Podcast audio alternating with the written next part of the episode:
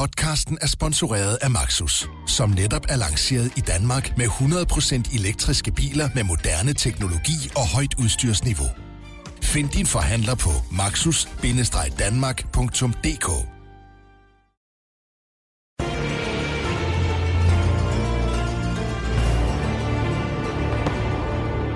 Den 11. september 1989.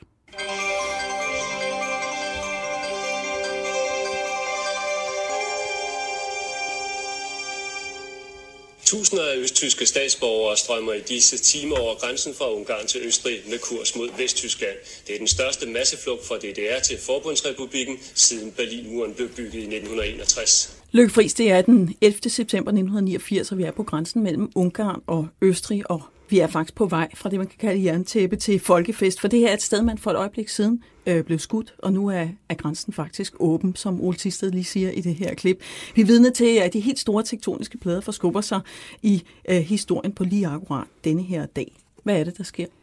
Jamen, der sker jo det, at øh, den ungarske regering har meddelt øh, tidligere på dagen, at nu er det altså muligt så for første gang at komme ud så fra Østblokken til, til Vestblokken, for nu at bruge det udtryk. Mm. Der har været huller i muren inden, men det har været huller, fordi man kan sige, at det, som den ungarske regering gør nu, det er simpelthen, de siger, nu er der ikke længere grænsekontrol. Nu er det ikke længere sådan, vi overholder den aftale, vi jo egentlig har med det, der er, som om, at vi skal sende de her, her flygtninge tilbage.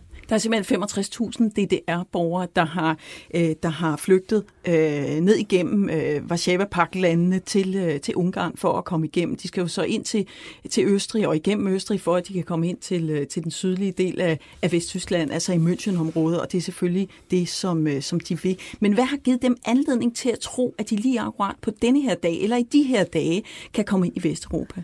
Altså, hvad er det, der foregår i den østriske regering? Ja, altså den østrigske regering, de står sådan set klar til bare at tage imod, fordi det har man sige, det har de jo, det føler de jo har en forpligtelse til, hvis der så mod forventning sker det, der sker, nemlig så Ungarn siger, nu åbner vi så den her grænse. Præcis. Og, det, og hvad sker der så i den ungarske regering? Jamen der sker der jo det, at de har jo haft meget, meget længe øh, diskussioner om det øh, med, med grænsen. Det starter faktisk øh, helt tilbage øh, i øh, slutningen af 88, hvor jo så øh, Milos Nemet kommer til. Han er så reformkommunist, så det er en anderledes situation, end vi har i Polen, hvor vi har øh, jo, altså, jo lidt Valenza og solidaritetsbevægelsen. Det kom op, der kommer oprøret ligesom nedefra. Her kommer det oppefra, ved at kommunistregimet erkender, det kommer ikke til at gå. Økonomien er simpelthen for dårlig. Øh, der er for stor urolighed i vores land. Vi bliver nødt til at gøre noget. Og der sætter de sig ned og siger, at noget af det, de kan gøre, det er jo så, at de kan lade være med at bruge et hav af penge på, så penge de ikke har, på at renovere jerntæppet. Mm. Det kan jo lyde fuldstændig sindssygt, men de sidder med sådan fire forskellige modeller. Hvad skal vi gøre med det jerntæppe? Og der kommer de så frem til, det er egentlig nok meget smart det der med at sige, at øh, nu vil vi ikke forny det, fordi der ved de jo så også godt, at det vi kan sætte bølger i gang. Og det har jo så Miklas Neman jo så også sagt øh, i efterfølgende interview, at de havde altså faktisk en ambition om at destabilisere Østblokken, for på den måde så også at fremstå som det land, øh, som var det mest reformvillige. Og så kunne de få men, mere hjælp. Ja, det er jo fuldstændig rigtigt, for de siger jo, det er et økonomisk anlæggende, ja. det her. Vi har ikke, det koster en masse strøm at sætte strøm. Vi kan lyde sindssygt, ikke? Ja. Fuldstændig vanvittigt. Øh, og det koster også penge at vedligeholde jerntæppet, og det er jo faktisk en jerntæppe. Det er jo fuldstændig tæt. Man bliver skudt for at komme over, mm. derfor er der faktisk ikke særlig mange mennesker, der slipper igennem fra Østblokken øh, til Vestblokken. Men lige akkurat at sige, at det er her, vi sparer, er jo en uhørt provokation af Sovjet. Det er jo en destabilisering, som du siger, af, af, af Varsava-paklandene, af hele den alliance, der er i Øst. Så hvordan kan de få lov til at slippe af med det? Det er som du, som du nævnte tidligere, det er jo noget, der starter meget tidligere. Det starter faktisk i maj måned, hvor man går rundt sådan med boldsakse ja. og klipper lidt hul i hegnet. Meget symbolsk. Ja, og de berømte billeder, det behøvede de jo heller ikke at tage. Det er jo også en provokation. Man kunne jo sådan bare have slukket for strømmen. Men hvad har givet Nemet grund til at tro, at det her gik over for Sovjet? Ja, det er jo fordi, han jo så har været over. Han gør jo det, da han øh, bliver premierminister, han som den første ungarske leder ikke først tager til Moskva. Han er først øh, blandet i Wien for at tale med dem, og så tager han så over og taler med Gorbachev. Og der har han jo så en meget, meget, meget direkte samtale med Gorbachev, hvor han jo har sagt til Gorbachev, jeg ønsker sådan set nu at, at rulle det leninistiske system tilbage, altså indføre en anden form for markedsøkonomi og, og demokrati. Og det, det er Gorbachev ikke særlig glad for, men Gorbachev er, har jo alligevel den opfattelse, og det har han jo også selv indledt, hele den her bølge, som jo så hedder glasnost og præstrøjke, mm. altså erkendelsen, at man er nødt til at reformere det kommunistiske system, for at det kan overleve. Det er meget vigtigt for forståelsen. Altså han ønsker ikke at skrotte det kommunistiske system, det skal reformeres, så det så kan kan blive levedygtig. Og der er det jo så, at Neme tager chancen, og så siger til Gorbachev, hvad nu, hvis vi indfører frie valg hos os? Mm-hmm. Hvad nu, hvis vi også begynder at afmontere jerntæpper osv.? Vil du så reagere? Og, så svarer, og det, er jo, det er jo det med vold, der afgør. Det er det med vold, der, der reageret med vold. Præcis, ja, det, og det indikerer han jo så, for han spørger ham direkte, Neme spørger Gorbachev, altså lederen af Sovjetunionen, spørger ham så, vil der så ske det, som der skete i 1956, altså at Sovjetunionen så sender kampvognen ind. Og så svarer Gorbachev så, det har vi jo selvfølgelig kun for Nemes erindringer, så længe jeg er ved magten, kommer det ikke til at ske. Underforstået, for det er jo helt tiden vigtigt også. Det kan jo godt være, eller sådan var det jo, at Gorbachev havde den holdning, der ikke skulle gribes til magt. Men Gorbachev var jo ikke en, en mand, der regerede uden nogen som helst form for konkurrence. Der var jo markante, ved vi jo i dag, kampe internt mm. i Sovjetunionen om, hvordan man skulle reagere. Der var selvfølgelig hardliner, der var rystet over det her. Ligesom diktaturet for rystet det der. Hvad i hulen har du gang i, Nimet, ved at begynde at klippe hul i det der jerntæppe? For det var jo et brud på den klare aftale, der var mellem DDR og Ungarn, og som havde jo stået i mange, mange år. Mine damer og herrer, I lytter til Berlingske podcasten 1989 med Nøl Bjerre og Lykke Friis, hvor vi taler om en sådan håndfuld øh, definerende øjeblik i efteråret 1989, som førte frem til jerntæppets fald, til Varsava-pakkens ophør, ophør og en en helt, kan man roligt sige, fantastisk opblomstring af Europa og det europæiske samarbejde. Løkke Friis, hvorfor tror du, at det lige akkurat bliver i Ungarn, at brudet sker? Fordi i virkeligheden er det jo Polen, der i, i, i de her år har haft snuden lægst fremme i forhold til øh, måske ikke ligefrem frivalg, men noget, der ligner øh, oprør øh, fra, øh, fra solidaritet fra fagforeningen, som vi alle sammen kender hele historien omkring øh, Lech Valenza. Hvorfor bliver det så alligevel Ungarn, der som de første tør klippe hul i hegn?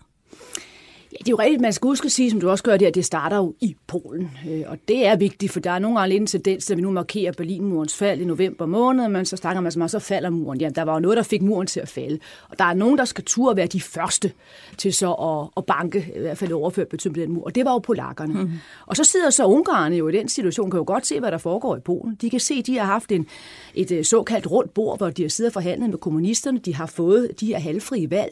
De har vundet en jordskredssejr i, øh, i Polen. Og det udløser jo debat, kan man så sige, i, øh, i Ungarn, hvor mm. man kommer frem til, og det er altså kommunist hvad skal vi sige, partiet som sådan, der har en meget, meget øh, principiel diskussion om, hvad de skal gøre. Og de lader sig altså inspirere af polakkerne, mm. selvom de jo ikke har den samme solidaritetsbevægelse, kan man så sige, nedefra, øh, som man så ser i Polen. Og så er det så, at Nebet og hans folk, de kommer så frem til, at det vil faktisk være ret godt at få den her destabilisering af Østblokken, fordi det jo også vil kunne gøre, at Ungarn vil kunne fremstå som det her meget reformvenlige land. Husk på, de var jo ved at gå fuldstændig bankrot. Det var de jo også i Polen Ungarn. De havde brug for økonomisk hjælp. Ja, det der ikke mindst. Det der havde ja, også en håbløs økonomi. Så der er jo, og det har de jo også indrømmet, de spiller jo på det her på, at de jo godt ved, at hvis de fremstår som den gode dreng klassen og hjælper med det der jerntæppe, der bliver begyndt at klippe hul det, hvor kommer, hvor kommer grunkerne så fra? Hvem kommer så og hjælper dem? Det gør naturligvis Vesttyskland, øh, nemlig Helmut Kohl. Og den kalkyle går jo fuldstændig op. Så man har simpelthen allerede på det tidspunkt, altså Nima den kommer til i efteråret 88, det vil sige et, et år inden, øh, inden vi er her i dag, 11. Mm. september.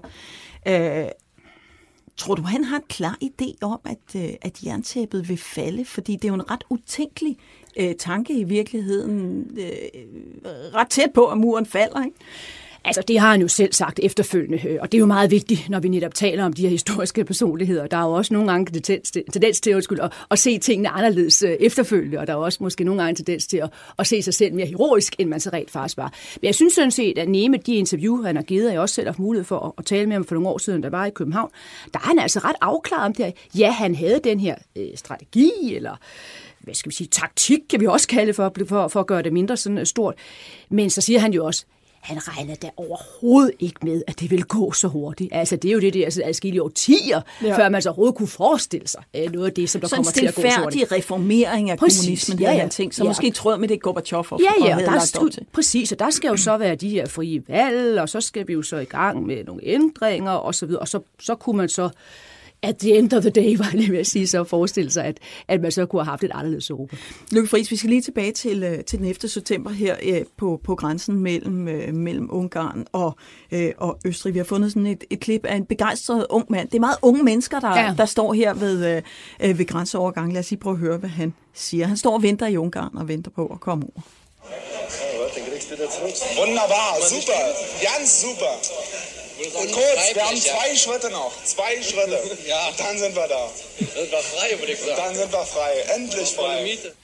Ja, endelig fri, øh, lykkefris. Ganske få skridt, så er de simpelthen øh, sandsynligvis øh, måske for første gang i deres liv inde i, øh, i, i Vestblokken. Og det kunne være svært at sætte sig ind i på nuværende tidspunkt, hvilken verdenssensation det var, der, der var under opsejling mm. her. Hvorfor er de her mennesker så glade for at slippe væk fra det der? Jamen, jeg tror, man først og fremmest skal sige, fordi det, de lykkes med noget, som de jo aldrig troede, at de kunne øh, komme igennem med. Altså, de opvokser jo i et system, hvor øh, DDR-staten jo øh, bygger Berlinmuren. Det gør det jo så i 1961. Simpelthen fordi, at øh, DDR-staten er ved at implodere, ved at forbløde, fordi folk jo simpelthen forlader den. Og der bliver de nødt til, og det kan jo også være vanskeligt, og ikke mindst for unge generationer, at forstå, at man, man, man, man bygger en mur for at holde på sin befolkning. Men det var jo der, vi var, simpelthen fordi, at de manglede arbejdskraft. Og derefter, jamen så har der jo været mange mennesker, der har forsøgt øh, og jo også mister livet på at, at prøve på at komme til, til friheden ved så at ja, flyve over en ballon, eller ved at, hvad hedder det, at, at grave tunneller under den der mur, eller simpelthen ved at prøve at løbe over, og ja. mange, mange, må jo så, øh, mange må jo så lade livet. Og de har jo nu fået den her fornemmelse af, at det er igen once in a lifetime. Det er nu, der er den mulighed. De tror jo heller ikke, at DDR-staten er ved at bryde sammen, eller Østblokken er ved at bryde Men sammen. det er vel også derfor, de er så hektiske, for de ved, at ja. hvis øh, det står der nemlig et, øh, et øh, sted i den bog, som du netop har begået, Håbets øh, Europa i 89 billeder, der står jo, at man er vant til, at hvis der bliver sagt ja fra Kommunistpartiet, så bliver der sagt nej lige bagefter. Ja. Så derfor så er det simpelthen ja. bare med at komme igennem det hul. Ja, præcis. Når der er et. Hvorfor løber? Jamen, det, det, det siger de net øh, umiddelbart efter. Ja, og det er den der fornemmelse af, at det, det er nu eller aldrig. Det er nu, vi skal gå over. Og så frygter de jo så, altså bang, så kommer en reaktion. Og det tror jeg også er meget vigtigt, for når vi taler om Gorbachev før, at han jo ikke ville gribe til magt, så ved vi jo, at der var andre, der, der godt ville, mm. altså simpelthen ville ja, sætte kampvognen ind og så videre, for så at bevare øh, Sovjetunionen, og ikke mindst jo DDR, der var en kronjuvel øh, for, for det her regime. Hvor, hvorfor var det der det?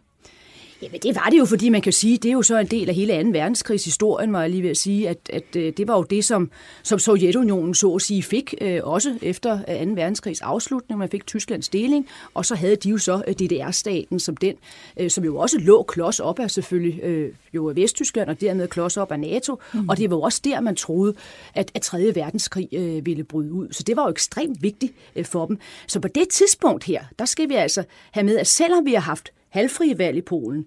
Selvom vi jo også har haft øh, ja, altså, klar erkendelse i Ungarn. Vi har også noget, vi givetvis kommer ind på om, om lidt, kan jeg forestille mig, nemlig den her øh, genbegravelse mm, af en, øh, af en 56, øh, 56 leder.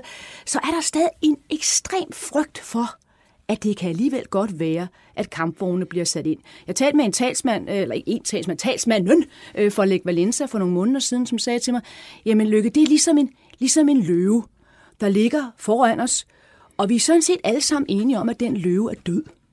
Men en af os, en af os, og nu siger det er dig, Nønne, nu må du gøre det. Nu skal du, og hive den i halen. du skal hive den i halen, så vi alle sammen kan se, at den er død, og den tager sig ikke bare en blunder. Og det personlige mod, det må jeg også sige, det er noget, der fascinerer mig aller, allermest med 89, også med de mennesker, som jo så tør at, at gå på gaden og tør at flygte osv. Fordi de ved jo dybest set ikke, hvad der kommer til at ske. Og den var jo ikke spordød, den løve på det Nej. her tidspunkt. Altså, vi har et... et, et, et Ikke engang skindød, et nej. fuld, fuldt flætst øh, sovjetsystem øh, med alle vasalstaterne, Mhm. og mm. vi har jo ikke mindst et kæmpe militær. Hele Østblokken er jo gennemsyret af sovjetmilitær. Der er masser af sovjetiske generaler og soldater i, øh, i DDR for eksempel, som er klar til at, at håndhæve den magt, hvis ikke, hvis ikke at, at østtyskerne kan finde ud af det, hvilket de jo ved Gud har lært i, i tidens løb. Ikke? Præcis, ja, og derfor kunne du jo bare have haft en tændstik, der kunne have fået det hele til at eksplodere. Og derfor jamen, skal vi jo også have med, at de mennesker her, som også den mand, vi hørte før, Freiheit, Freiheit, nu kan vi endelig komme ud. Mm. Inden da har mange af dem jo, dem der har ture, de har jo så haft nogle ekstremt øh, hårde diskussioner med deres forældre, Ja. deres bedste forældre, deres kusiner, deres kærester, som jo så ikke ville med, som ikke ture, fordi de tænkte, at den der løve alligevel godt kunne begynde at brøle, når man stod nede ved grænsen. Ja, og Så det splitter jo også familien. Ja, og det vi skal huske på, det er jo, at muren har stået i 28 år. Det er det, den ender med. Ikke? Den er fra 1961, men, men hele koldkrigssituationen har jo varet meget længere, mm. nemlig fra, fra 2. verdenskrig. Så der er jo faktisk folk, der lever et helt liv i Østblokken, og for hvem det at, at være i Vest ikke er, øh, er en mulighed. Helt, det er helt lavpraktisk i forhold til de folk, der står her ved grænsen løbfris. Øh, der er et spørgsmål om politisk frihed, der er et spørgsmål om økonomi, som du har nævnt. Altså, der er måske ikke særlig gode jobmuligheder, men der er vel også helt, øh, helt konkret nogle delte familier. Mm. Altså, fordi vi har den der, altså, besøgende fænomen med, at Tyskland bliver delt over. Men Berlin bliver jo også delt midt over. Det vil sige, at vi har en lille bitte vesttysk enklave, øh, nemlig halvdelen af Berlin, der ligger øh, øh, inde midt i Øst-Tyskland. Så, så, så det må jo have splittet en masse familier. Ja, det gjorde det, og der var jo også folk, der tilfældigvis var over på den forkerte side af, af muren øh, den dag, den blev bygget, og som så ikke kunne komme hjem, og så på den så måde... blev de østtyskere? Ja, præcis, ja. Og så det har jo også været, sådan nogle situationer har der jo været. Og jeg synes, når man i dag bor i Berlin, så bruger jeg faktisk en del tid på at, at køre rundt på cykel, for at se, hvor, hvor muren den løb, fordi det var jo nogle gange bare lige ned igennem gaden. Der var jo også en menighed, der blev splittet midt over. Det er den, der ligger ved Bernauer Straße. Kirken kom så, den, den måtte jo så ligge låse i det der Niemandsland. Og det var jo altså en, noget, man slet ikke kan forestille sig i dag, hvor, hvor ualmindeligt brutalt det var, at man ikke kunne besøge sin familie. Mm. Øh, så, så det spiller naturligvis en rolle også, det her med, med, med de splittede familier. Men jeg tror, mange af dem, der så tør på det her tidspunkt at rejse ud, det er altså også det her med, frihed også til at kunne rejse, øh, mm. øh, til at kunne se andre dele af, af verden end, end kun den her øh, grå øh, østblok, som det jo så på mange måder var. Ja, og det, og, og det grå det system, ikke, der var jo ja. ikke politisk øh, meget at vælge imellem. Det var Ej, det må man nok konkludere. Eller kommunistpartiet. det var nogle kedelige valgafler, de var på det tidspunkt, ja. ja.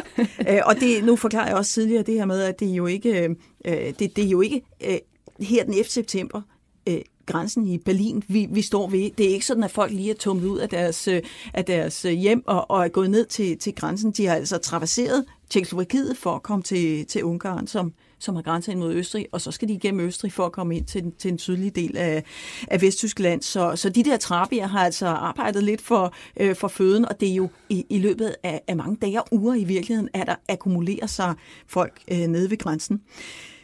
Tilbage til det her med... Øh, med Ungarn, fordi du øh, nævnte lige netop det her med en genbegravelse af frihedshelten Imre som omkom ved opstanden i 1956. Mm. For det er jo så også baggrundsmusikken i Ungarn, når vi snakker lidt om, hvorfor lige Ungarn, at det her det, øh, det foregår. Så hører det jo med til historien, at der har været øh, en, en, en prominent opstand der i 1956, hvor der jo også er nogle generationer, eller en generation, der har en erfaring med, at den vej skal vi bare ikke. Altså, det, den, den, den vej tør vi ikke gå, fordi kommunistsystemet er for, øh, er for hårdt. Men i Nagy bliver så genbegravet i løbet af sommeren 1989. Og hvad er det, der gør det tilladt? For det kan jo også være sådan en klassisk martyrsituation, som, øh, som slet ikke er ønskelig fra Kommunistpartiets øh, side. Hvorfor bliver det tilladt? Ja, der kan man jo sige, det er jo også et tegn på den store, store konflikt, de har internt i Kommunistpartiet. Du har en, øh, en hardlinerfløj, som er generalsekretæren Grus, der står bag den, og han siger, det der skal vi overhovedet ikke røre ved. Vi skal overhovedet ikke begynde at genbegrave nogen som helst. Mm. Øh, fordi han, han lå vist nok i Monarki på en eller anden ja, ja, ja, jeg, har, jeg, har været, jeg har været på, på, på, på ja, ja, ja, så jeg har været der, så det er for, for at se, hvor det var henne, og han bliver så begravet samme sted jo. Men uh, der blev han så bare smidt med hovedet ned, og så var der så en anden lille skilt, uh, hvor man så, nummeret, hvor man så vidste, okay, det var, det var der, han lå. Men det blev helt, fra 1956 og hele vejen frem, ser Kommunistpartiet jo det her som er en kontrarevolution.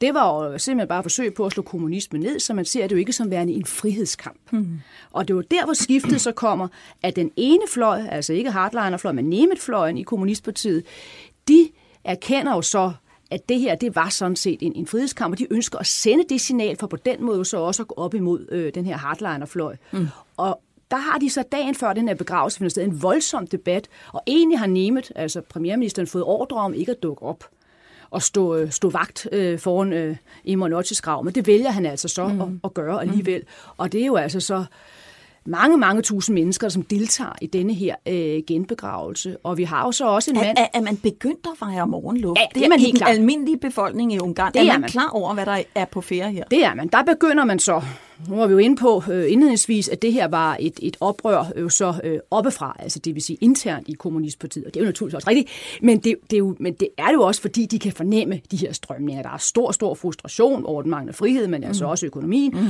og så begynder folk jo også langsomt, men sikkert at gå på gaden. Og det gør de jo så i høj grad så i forbindelse med den her øh, genbegravelse, som det jo så er som jo så er ekstremt emotionel. Og der er jo så en, en ung juriststuderende, der kommer op, sådan relativt langhåret, og holder jo så den her emotionelle tale, og man står ved den ene kiste, som så er tom, og der siger han jo så, jamen her begraver vi jo så kommunismen. Og hvem er så den unge studerende? Det var jo netop så Viktor Orbán, øh, som jo så i dag er øh, premierminister i, øh, i Ungarn. Meget, meget kontroversiel premierminister. Det må man nok sige. sige. Og som jo så, det er der jo så store diskussioner om også her i, i 30-året, jamen altså har han ændret holdning? Han siger, at han har ikke ændret holdning til hensyn til frihed, demokrati osv. Øh, det er resten af Europa, der har ændret holdning ved, at man så har været så åben over for, for flygtninge at komme udefra. Mm. Så nu er det ham, der skal beskytte øh, hele Europa mod øh, de her nye øh, flygtningestrøm. Men nu kommer vi langt væk fra Notch, Ja, vi er i gang med Ballingspodcasten 1989 med Nynne Bjerre og Løkke Friis, hvor vi altså taler om... Øh, om sådan øh, fem øh, spændende øjeblikke i efteråret 89, hvor de tektoniske plader i verdenshistorien flytter sig. Løkke Friis er jo Berlingske korrespondent i Berlin og har skrevet øh, i dagens anledning, var jeg lige ved at sige, i årets anledning, Håbets Europa i 89 billeder, og det er nogle af de, nogle af de nedslag, som du har i bogen Løkke Friis, som vi, øh, som vi taler om i løbet af vores øh, podcast, og i dag er det den 11. september. Vi skal snakke om øh, den tyske kansler Helmut Kohl, men bare lige for at runde det her med, med den ungarske kommunikation med Sovjet af. Altså, du sagde tidligere, at øh, Milosevic, som er, som er premierminister, han har fået et nik fra Gorbachev til, at Gorbachev vil ikke bruge vold. Men du siger, lige bag ved Gorbachev står der folk, som er ivrige for at bruge vold. Og det er jo selvfølgelig også, fordi han har opbygget det her meget, altså sådan, sådan er det jo. Det er ikke Gorbachev, der har opbygget det, men Sovjet har opbygget et enormt militær lige i anden række på Gorbachev, alle de generaler der, hvad visker de ham i øret på det her tidspunkt, da bladerne begynder at rykke sig, og, og, og de godt kan se, hov, hov, hov, hov, nu er der hul i jerntæppet? Jamen, der er øh, betydelig øh, nervøsitet øh, og jo også internt opgør, kan man jo så sige, øh, i, i Kommunistpartiet øh, i, i Sovjetunionen. Og der er jo øh, allerede på det her tidspunkt jo folk, der ønsker, at, at man skal gå hårdere til øh, de centrale østeuropæiske lande. Det er de jo bestemt ikke enige om. Der har så lige for inden været et ekstremt vigtigt Varsava-paktsmøde i øh, den her gigantiske bygning jo så i, øh, i, øh, i Bukarest, som nogle lyttere måske har besøgt, som en af de verdens største bygninger, som Ceausescu, den daværende leder, jo så i Rumænien bygget. Der har Varsava-parken holdt møde. Og der er altså sådan, at der er Ceausescu, den daværende rumænske leder, han er dukket op, også med den, den tjekoslovakiske leder, og så går de faktisk hen til Gorbachev, også under møderne, og siger, nu skal du gribe ind. For de ved da godt, det går ud over dem. Ja. De kan da godt se, hallo. Jorden skrider. Jorden skrider, det er vores magt. Hvad kommer der til at ske med os? Og, og, og DDR's leder Honecker, han er jo også til stede. Og, og han er jo helt desperat. Fordi det, han, det, han kan jo se, det er ham, der går ud over først, fordi det er hans befolkning, der begynder at løbe, mm. og de løber vel og mærke stærkt. Og det er jo fordi, at Tyskland er blevet delt, og derfor er det så Præcis. meget mere ekstremt for kom, Tyskland. Ja, og du kan komme over til dine landsmænd på den anden side. Du har måske også noget familie, og det skal vi jo også med. Det er jo sådan, at den vesttyske stat jo hjælper dig. De står klar med penge, de står klar med os at hjælpe dig til så at, at få et nyt liv. Det gør man jo ikke, hvis man nu var ungar og så skulle til, til Tyskland, så der er jo altså en, en stor forskel mm. der. Så Honecker, han er jo desperat på det her møde. Så desperat, at han så næste morgen ikke dukker op. Øh, men det er så nok ikke kun på grund af det, men det siger så Ungarn på langerne, når han kunne nok ikke klare det, der blev sagt. Men der ved vi jo allerede, at han havde en kraftsygdom som sådan. Men på det møde er der en, en diskussion øh, om det her, om, om hvorvidt der skal ske det samme som i 56. Og det er jo meget vigtigt for forståelse gennem hensyn til vores løve. De sidder og går hjem og de andre centrale og østeuropæiske lande og prøver at overbevise Gorbachev, altså Sovjetunionen, om, at der skal gribes ind ved hjælp af militær. Og Gorbachev, han sidder så, og det har Nemeth efterfølgende fortalt, han sidder sådan og, og blinker øh, over øh, til Nemeth, øh, underforstået, tag det nu roligt, fordi det, vi har en forståelse. Vi har en forståelse. Men Gorbachev kan styre sine generaler. Altså, der er ikke nogen, der behøver, eller der er ikke nogen, der begynder at spekulere på, om de går, begår et kub mod ham, eller kommer til at operere på egen hånd. Ikke så, vidt jeg ved, ikke så vidt jeg ved på det tidspunkt, men det tror jeg altså også hænger sammen med igen øh, den 11. september øh, 1989, i dag kan vi godt se, at den dato faktisk er lige så afgørende som den 9. november. Det er bare ikke lige så symbolsk, symbolsk og billeder og, og, og alle medier er til stede, men det er sådan set der, det for alvor ja. øh, rykker. Men det erkender vi vi nu alle sammen, kan man sige, medier og så videre. Altså, det er jo ikke sådan, at Ole Tisted, det der klip, sådan der, nu, nu, nu er det helt væk, det kan han selvfølgelig ikke sige. Men, men den erkendelse kommer jo først sidenhen. Det ved man faktisk ikke på det tidspunkt. Men de folk, der rejser igennem, nu sagde jeg lige før, 65.000 DDR-borgere regner man med, står, står i kø for at komme over. Det er alligevel virkelig mange mennesker. Ja. Rejser de uden visum simpelthen? Øh, tumler de bare igennem? Øh, og, og hvor mange dage går der, hvor, hvor grænsen er åben? Er det bare lige den dag eller få dage, eller bliver det hul ved med at være åben, indtil det hele falder?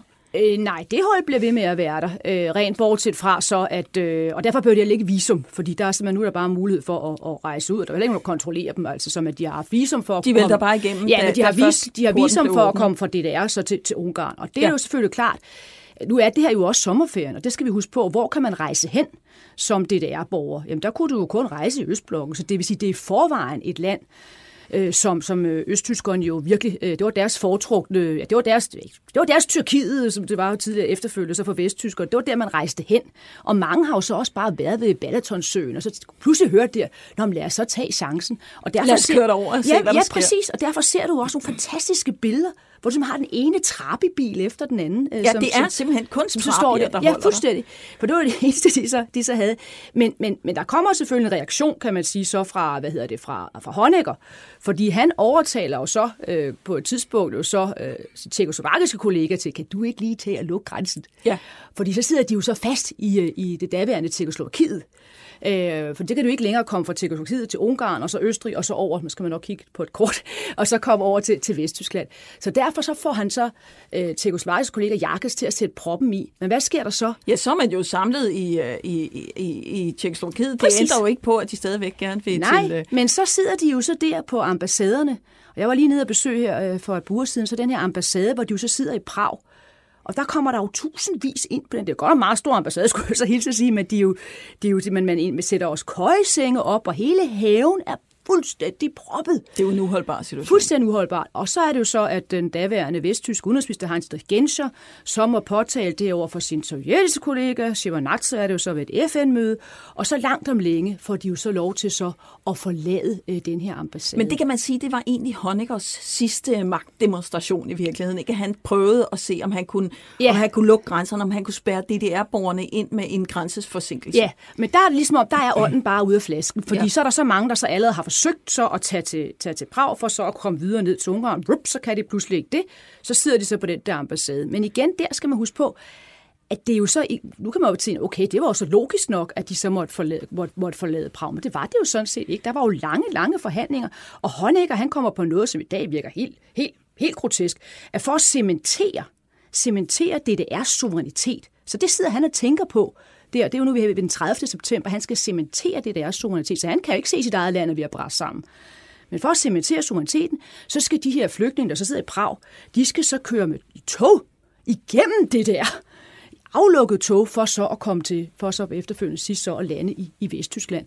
Og der er jo ekstremt dramatiske scener. Der begynder Sovjetunionen altså at blive nervøse, mm-hmm. fordi nu begynder medierne jo så det kender du mere til end jeg, men begynder også at spille en afgørende rolle, for du kommer til at se de her billeder. Du mm. ser et tog, der kører igennem. Det er et aflåst tog med folk, der smider deres pas ud, deres penge ud, for hvad skal de bruge dem til? De er færdige med det der. De er færdige med det der. Og det gør jo selvfølgelig så, at folk, der sidder i Sachsen, hvor det tog kommer igennem, hvor vi har byer som Dresden, Leipzig, de stormer naturligvis ned til stationen vi kan måske hoppe på det der tog. Ej, men det og de her vildt. billeder er det jo flere tusind mennesker, der kommer ind på banegården i Dresden. Der kommer så mange, at de bliver nødt til at rømme ved hjælp af magt og vold, mm-hmm. den her øh, station. Øh, og så tænker man jo så for det der side, hmm, vi tager lige telefonen, drejetelefonen, skivetelefonen og ringer tilbage til, til Prag. Vi er ikke nok til det der tog tilbage. Nej, de skal absolut ikke have noget tog tilbage. Og de billeder, de går mm. simpelthen verden rundt. Og der siger så Gorbachevs rådgiver, uskrækkelige billeder, skrækkelige billeder. Det her, det er ikke godt. Nej, og der er symbolikken jo også øh, næsten lige så tyk som op ved, som op ved muren. Mm. Øh, men, øh, men det er jo det, det, det bekræfter jo så de menneskers øh, antagelse, som står hernede ved grænsen, ved den østriske grænse den 11. september, med, at i morgen kan det blive et nej. Så ja. derfor skal vi simpelthen bare ud, ja. øh, så længe der er mulighed for det. Så det vil sige, at det der hul i hegnet bliver stående åbent, men østtyskerne har svært ved at komme igennem, øh, øh, fordi de ikke kan komme igennem Tjekkiet. Men, øh, men ungarerne, som jo må have haft det samme behov, de må da også have været ivrige efter at komme til Østrig. Øh, nu, nu snakker vi meget om det, det, det der borgere, der står der, men de må vel også kunne udrejse på det tidspunkt gennem, gennem det her hul den 11. september? Jo, men der har Ungarn har så øh, været et, et, et noget mere, øh, ikke helt så hårdt regime som, som det der er. Øh, så der var bedre muligheder for så at kunne rejse ud. Altså jeg havde for eksempel også, min familie havde venner jo så i, i Ungarn, og de kunne så også godt besøge Østrig og så videre. Det er der selvfølgelig også nogen, øh, som tiden går, øh, nogle østtyskere, der, der får lov til, men det kræver så, at du har familie, og du er gammel og alle de der ting. Så DDR har været mere repressivt? DDR var meget mere repressivt, ja. øh, og, og, og så der, derfor, har, derfor ser du ikke den der strøm af, af folk, der forlader, der forlader Ungarn, for eksempel. Lykke Friis, jeg, jeg nævnte lige før, der er jo så ufattelig meget at snakke om i forhold til det her efterår. Vi er nu kommet til. jeg nævnte lige før øh, det her med Kohl, altså ja. imens et andet sted i byen. Ja, ja. Fordi Helmut Kohl er jo vesttysk kansler på ja. det her tidspunkt. De er hovedsædet i Bonn, og Kohl bliver jo genforeningens mester, kan man sige. Men på det her tidspunkt, lige akkurat den 11. september, sidder Kohl simpelthen i mudder til halsen. Kan du egentlig lige fortælle en lille smule om de vanskeligheder, han har i sit parti CDU?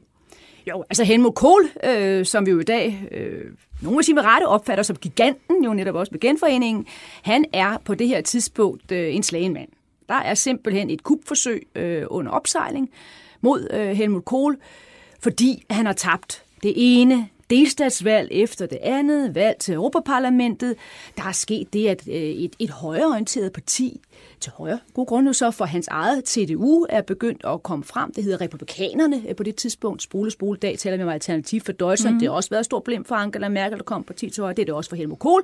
Så, og Kohl kom jo sådan fra, fra ja, Rheinland-Pfalz, øh, øh, var, var på det tidspunkt jo også en, som man tænkte, ej, altså han laver da den ene dumhed efter den anden på en international scene. Kan du ikke huske, han lavede den der sammenligning mellem Gorbachev og Josef Goebbels, altså Hitlers propaganda øh, number one der. Han slæber Ronald Reagan ned på en kirkegård, hvor ligger SS-soldater. Det gør man simpelthen ikke. Så han opfattes som sådan en elefant i en glasbutik. Mm-hmm. Øh, og mange tyskere ser også egentlig ned på, på Helmut Kohl, ikke mindst i, i partiet. Han er ikke sådan en rigtig intellektuel politiker og så videre, en der sådan for alvor kan samle. Og derfor så er der altså et helt konkret kupforsøg imod... Altså mod den siddende kansler? Mod den siddende kansler, ja. Og det er jo så siden jo for alvor jo også øh, kommet frem, at det, det var altså ikke bare sådan små ting. Det er bare virkelig sådan, at man havde en anden mand, man skulle sætte ind. Man vidste også, hvem det skulle være, og så videre, og så videre. Øh, så man var, man, man var klar til at gøre det her på, på og, det. Og, og det er simpelthen lige den her det dag, er september, på, ja, er han på vej til kongres. Ja, og der så, ja, der til, i Bremen, hvor der så er partikongres. Det har jo så været under opsejling et stykke tid, og der er bare det problem også, og nu er vi sådan ved historiens tilfældigheder, at Helmut Kohl faktisk ikke skal være i Bremen, han skal være i Bonn på hospitalet, fordi han altså skal have gennemgået, gennemført en, en akut prostataoperation. Men det tør han jo ikke. For det, hvis jeg, ved, han er ved at blive cool. Ja, prøv at forestille dig, jeg kommer ikke til landsmøde. jeg er syg. Altså, det går jo ligesom ikke rigtigt. Så er, der jo, så er det jo fuldstændig... Så, så er banen, ja, så er det færdigt. Så er banen jo fuldstændig fri øh, for, for hans politiske modstandere. Og lige der, hvor han så skal til at, skal, skal til at begynde at rejse osv. osv. fra, fra Bonn til, til Bremen, så får han så et opkald. Og i den anden ende af røret har vi jo så Miklos Nemeth fra Ungarn. Mm. Og han siger jo så, han minder så Kohl om noget, øh, som er meget vigtigt for historien også her, når vi taler om den 11. september, at de to jo har haft et møde. De har haft et hemmeligt møde, øh, som jo så ikke nogen vidste noget om på det tidspunkt. Det finder sted den 25. august på et slot uden for Bonn, der hedder Gimli-slottet, hvor det står Kohl, hans udenrigsminister Genscher, øh, og så kommer så Nemeth med hans udenrigsminister Güller Horn. De fire bliver enige om, at den grænse, som vi har talt om nu, jo så øh, med hensyn til, at, at man kan komme så fra Ungarn til Østrig, at den skal åbnes. Og de bliver også enige om, at der vil være betydelig økonomisk hjælp. Der er ikke sådan en klar deal, altså så at sige, du gør det, og så mm. får du sådan så mange millioner milliarder. Men det er helt klart, altså det der er. Det vil er, sige, er, at, at, at Kohl har simpelthen lovet Ungarn ja. konkret en hel masse ja. milliarder i ja. støtte, hvis man kan, øh, hvis man kan lirke lidt på jerntæppet. Ja, det er det, der er. Det er det, der hvorfor, er hvorfor har Nemeth, finder Nemeth anledning til at minde Kohl om det? Ja, men de har jo lavet en aftale om, at når det skal ske, så skal alle jo være klar. Og de har jo derfor, det er jo derfor, at man så heller ikke åbner øh, med det samme der fra den 25. 8. fordi der, man skal være klar i Østrig. Mm. Der skal være lejre til at tage imod de her mennesker, og så ved man jo godt, de bliver jo ikke i Østrig. De kommer til Vesttyskland. Ja, så der skal være senge, øh, der skal være mad. Det, det er meget lavpraktisk det her. Så det har man en aftale om. Men det han jo så gør, Neme, det er, at han jo så siger, jamen det vil jeg så, øh, det vil jeg så meddele nu. Og så siger Kohl til ham, ved du hvad, gamle ven, kan du ikke lige lade være med det? Kan du ikke lade far her øh, gøre det? Øh, og så udskyde beslutningen, så, så det kommer selvfølgelig først en melding fra Ungarn. Men, men vil det sige, at Nemeth var egentlig villig til at åbne grænsen en uge før, eller hvor mange Ja. dage før? Ja, ja det er Cirka en ja, uge. ja, ja, det, det, det er Og rigtigt. hvad ja. så? Er det så Kohl, der får forhalet den? For, Nej, at- han får kun forhalet det en dag. Okay. Det er, kun det, det er kun det, han får forhalet. Men det er jo ekstremt vigtigt, for det betyder jo så, den her partikongres, forestil dig en partikongres, hvor alt drejer sig om, inden kommer det her, hvornår bliver det her kupforsøg sat ind, hvad kommer ham her til at sige, hvad siger Kohl, overlever han? Hmm. Og så går Kohl op. Og så kommer bomben. Så kommer bomben, og jeg har jo selv været til en partikongres inden, der er sådan dagen før, så er der jo så sådan et, hvor, hvor partiet inviterer hele verdenspressen. Mm. Og der går Kohl jo så op, og så siger han jo så til verdenspressen, ja, og øvrigt, så kan jeg meddele, at øh, det vil være muligt at rejse ud, og nu åbner jerntæppet. vi. Vi har og så, faktisk et klip, øh, Lykke Fri. Skal vi ikke lige prøve at høre Kohl fra, fra, fra den dag, det kommer her? Es ist eine Entscheidung der Menschlichkeit. Es ist eine Entscheidung der europäischen Solidarität. Und ich bin für diese Entscheidung sehr, sehr, sehr, sehr dankbar. Og dem han siger, dem han er, dem han er taknemmelig overfor, det er selvfølgelig, det fik jeg ikke sagt indledningsvis, det er jo selvfølgelig den ungarske regering. Ja. Han er taknemmelig, fordi der er hul i hans men han er så altså til synligheden også taknemmelig, fordi det her redder jo simpelthen Kohls røv. ja, fordi simpelthen, hvad sker der så? De her mennesker, der sidder og klar med, med knivene og skal til at hakke dem i ham, det virker jo fuldstændig historieløst øh, at begynde at lave et kup mod, mod Helmut Kohl. Så det, det, falder, det er sådan en souffléen, der falder sammen. Han, han siger også meget berømt, vi tyskere hører sammen, ja. og det er jo faktisk meget, meget tidligt, at han på en eller anden måde Ja. løfter flien for en genforening. Ja. Som jo kommer til at gå meget hurtigere, end Ja. han havde forestillet sig. Men, men det er rigtigt nok, men når man så hører, øh, både læser det, ja, så, så er det rigtigt nok, så kan man godt i dag tænke på, at det var noget, en eller anden form for signal med hensyn til genforening. Tror du ikke, han tænkte det? Jo, det kan godt være, han gjorde. Men igen, altså, der er ikke nogen, kan jeg godt garantere dig, i, i, i danske medieverden, tyske medieverden eller noget som helst sted, som på det her tidspunkt tror, at genforening kan være noget, de kommer til at opleve i deres levetid. Altså, det er så langt ude i, i horisonten. Mm. Men det er det her med, at man nu har man mulighed for i hvert fald så at se hinanden. Familier kan blive, familier kan blive genforenet. Det er jo egentlig mere det, Ja. jeg tror, han tænker på. Og synes jeg egentlig, det klip, du lige viste, eller lige viste, du lige spillede, altså, det er også ret tankevækkende, hvor, hvor kontrolleret han er. At det er jo et meget, meget emotionelt øjeblik, det her for Helmut Men det Kohl. synes jeg nu godt, man kan høre. Jo, men alligevel, jeg tænker på, at sådan, der er jo ikke sådan, at man, man, man, man, han prøver, at, og det tror jeg meget, meget bevidst, fordi han ved jo godt, uha, igen vores Don't berøm- rock the boat. Ja, løven der igen, eller øh, hvordan er det nu lige, det er med den? Øh, sover den, er den død, og så videre, og så videre. Så han skal selvfølgelig også sørge for ikke øh, at, at virke for hoverende. Og vi ved jo så også i dag, at den samtale, det der møde, han havde den 25. 8. med Nemet øh, og udenrigsministerne, er der en klar deal. Det her bliver imellem os. Og han spørger jo hele tiden, hvad siger Gorbachev? Hvad siger Gorbachev? Hvad siger Gorbachev? Mm. Og de har den aftale om ikke at ringe til nogen. Hvem ringer Kohl til? Han ringer alligevel til Gorbachev.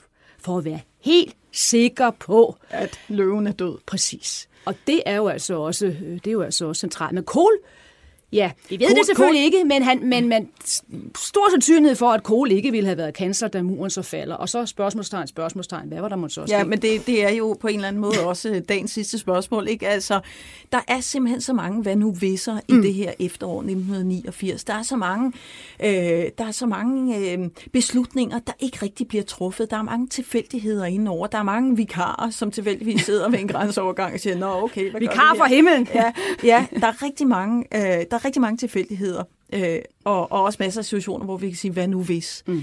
Øhm, og Kohl kommer til at blive så centralt for genforeningen. Det er faktisk ham, der, der driver den igennem, og man kan sige, det her, det her defi- det er virkelig den 11. september er et defining moment for, for Kohl. Det er virkelig der, hvor billiardkuglen rammer, rammer kanten og skifter retning. Ikke? Øhm, kunne en anden kansler have gjort det her, som Kohl gør, fordi han kommer over til at genforene de to tyske lande med rimelig hård eller i hvert fald med en, med en fast beslutsomhed. Kunne andre have gjort det? Ville andre have gjort det? Det er selvfølgelig svært bare at sige nej, øh, det ville de ikke kunne, men, men, men min mavefornemmelse siger alligevel, at, at det har jeg svært ved at forestille mig, at de kunne. Simpelthen fordi, at så meget her, det afhang så også af det personlige forhold, han havde fået opbygget til Gorbachev. Og husk på, mm. det var virkelig dårligt fra starten, på grund af den her Goebbels-parallel, vi har været inde på. Men det er, allerede på det her tidspunkt er det altså tæt, at de har de her telefonsamtaler, og de, det bliver de så ved med at have. Så, så have en mand, der så slet ikke havde haft, haft, den, haft den erfaring og også den tætte personlige relation, der kunne have gjort det, det er altså et, et godt spørgsmål. Mm. Så var du også inde på, at det er jo ikke sådan, at Tyskland er et land, hvor man sådan vælter øh, kanslerne fra den ene dag til den anden, at det havde været virkelig, virkelig, virkelig et, et, et, et, et, et, øh, et, en revolution eller et jordskæld i, i vesttysk politik. Og så skulle man lige akkurat på det tidspunkt så håndteret, at historien den bare trykkede speederen i bund. Hvordan, hvordan, skulle, man have, hvordan skulle en ny kansler have håndteret øh, de to, og lave det temposkift ja. nærmest fra den ene dag til den anden?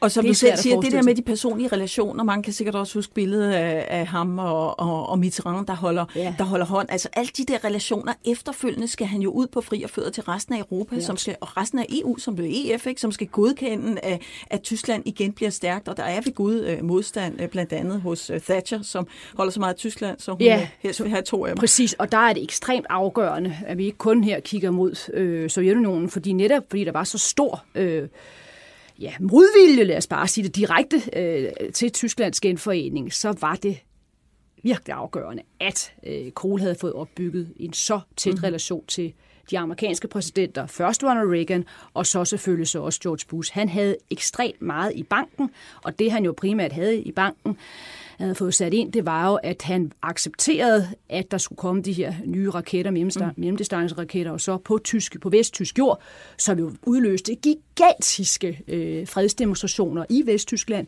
faktisk også var med til at vælte øh, Helmut Schmidt øh, som kansler, mm.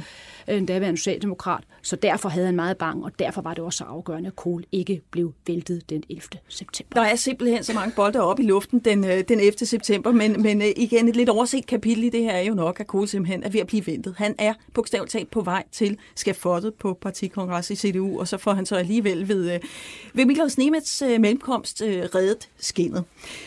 Så vidt er altså den efter september, du har lyttet til Berlingske podcasten 1989 med Nynne Bjerløk Friis. Og vi forsøger altså igennem fem udsendelser, fem vigtige datoer, fem helt igennem fantastiske begivenheder og fortælle historien om jertæppets fald i efteråret 1989. Tak fordi du lyttede med.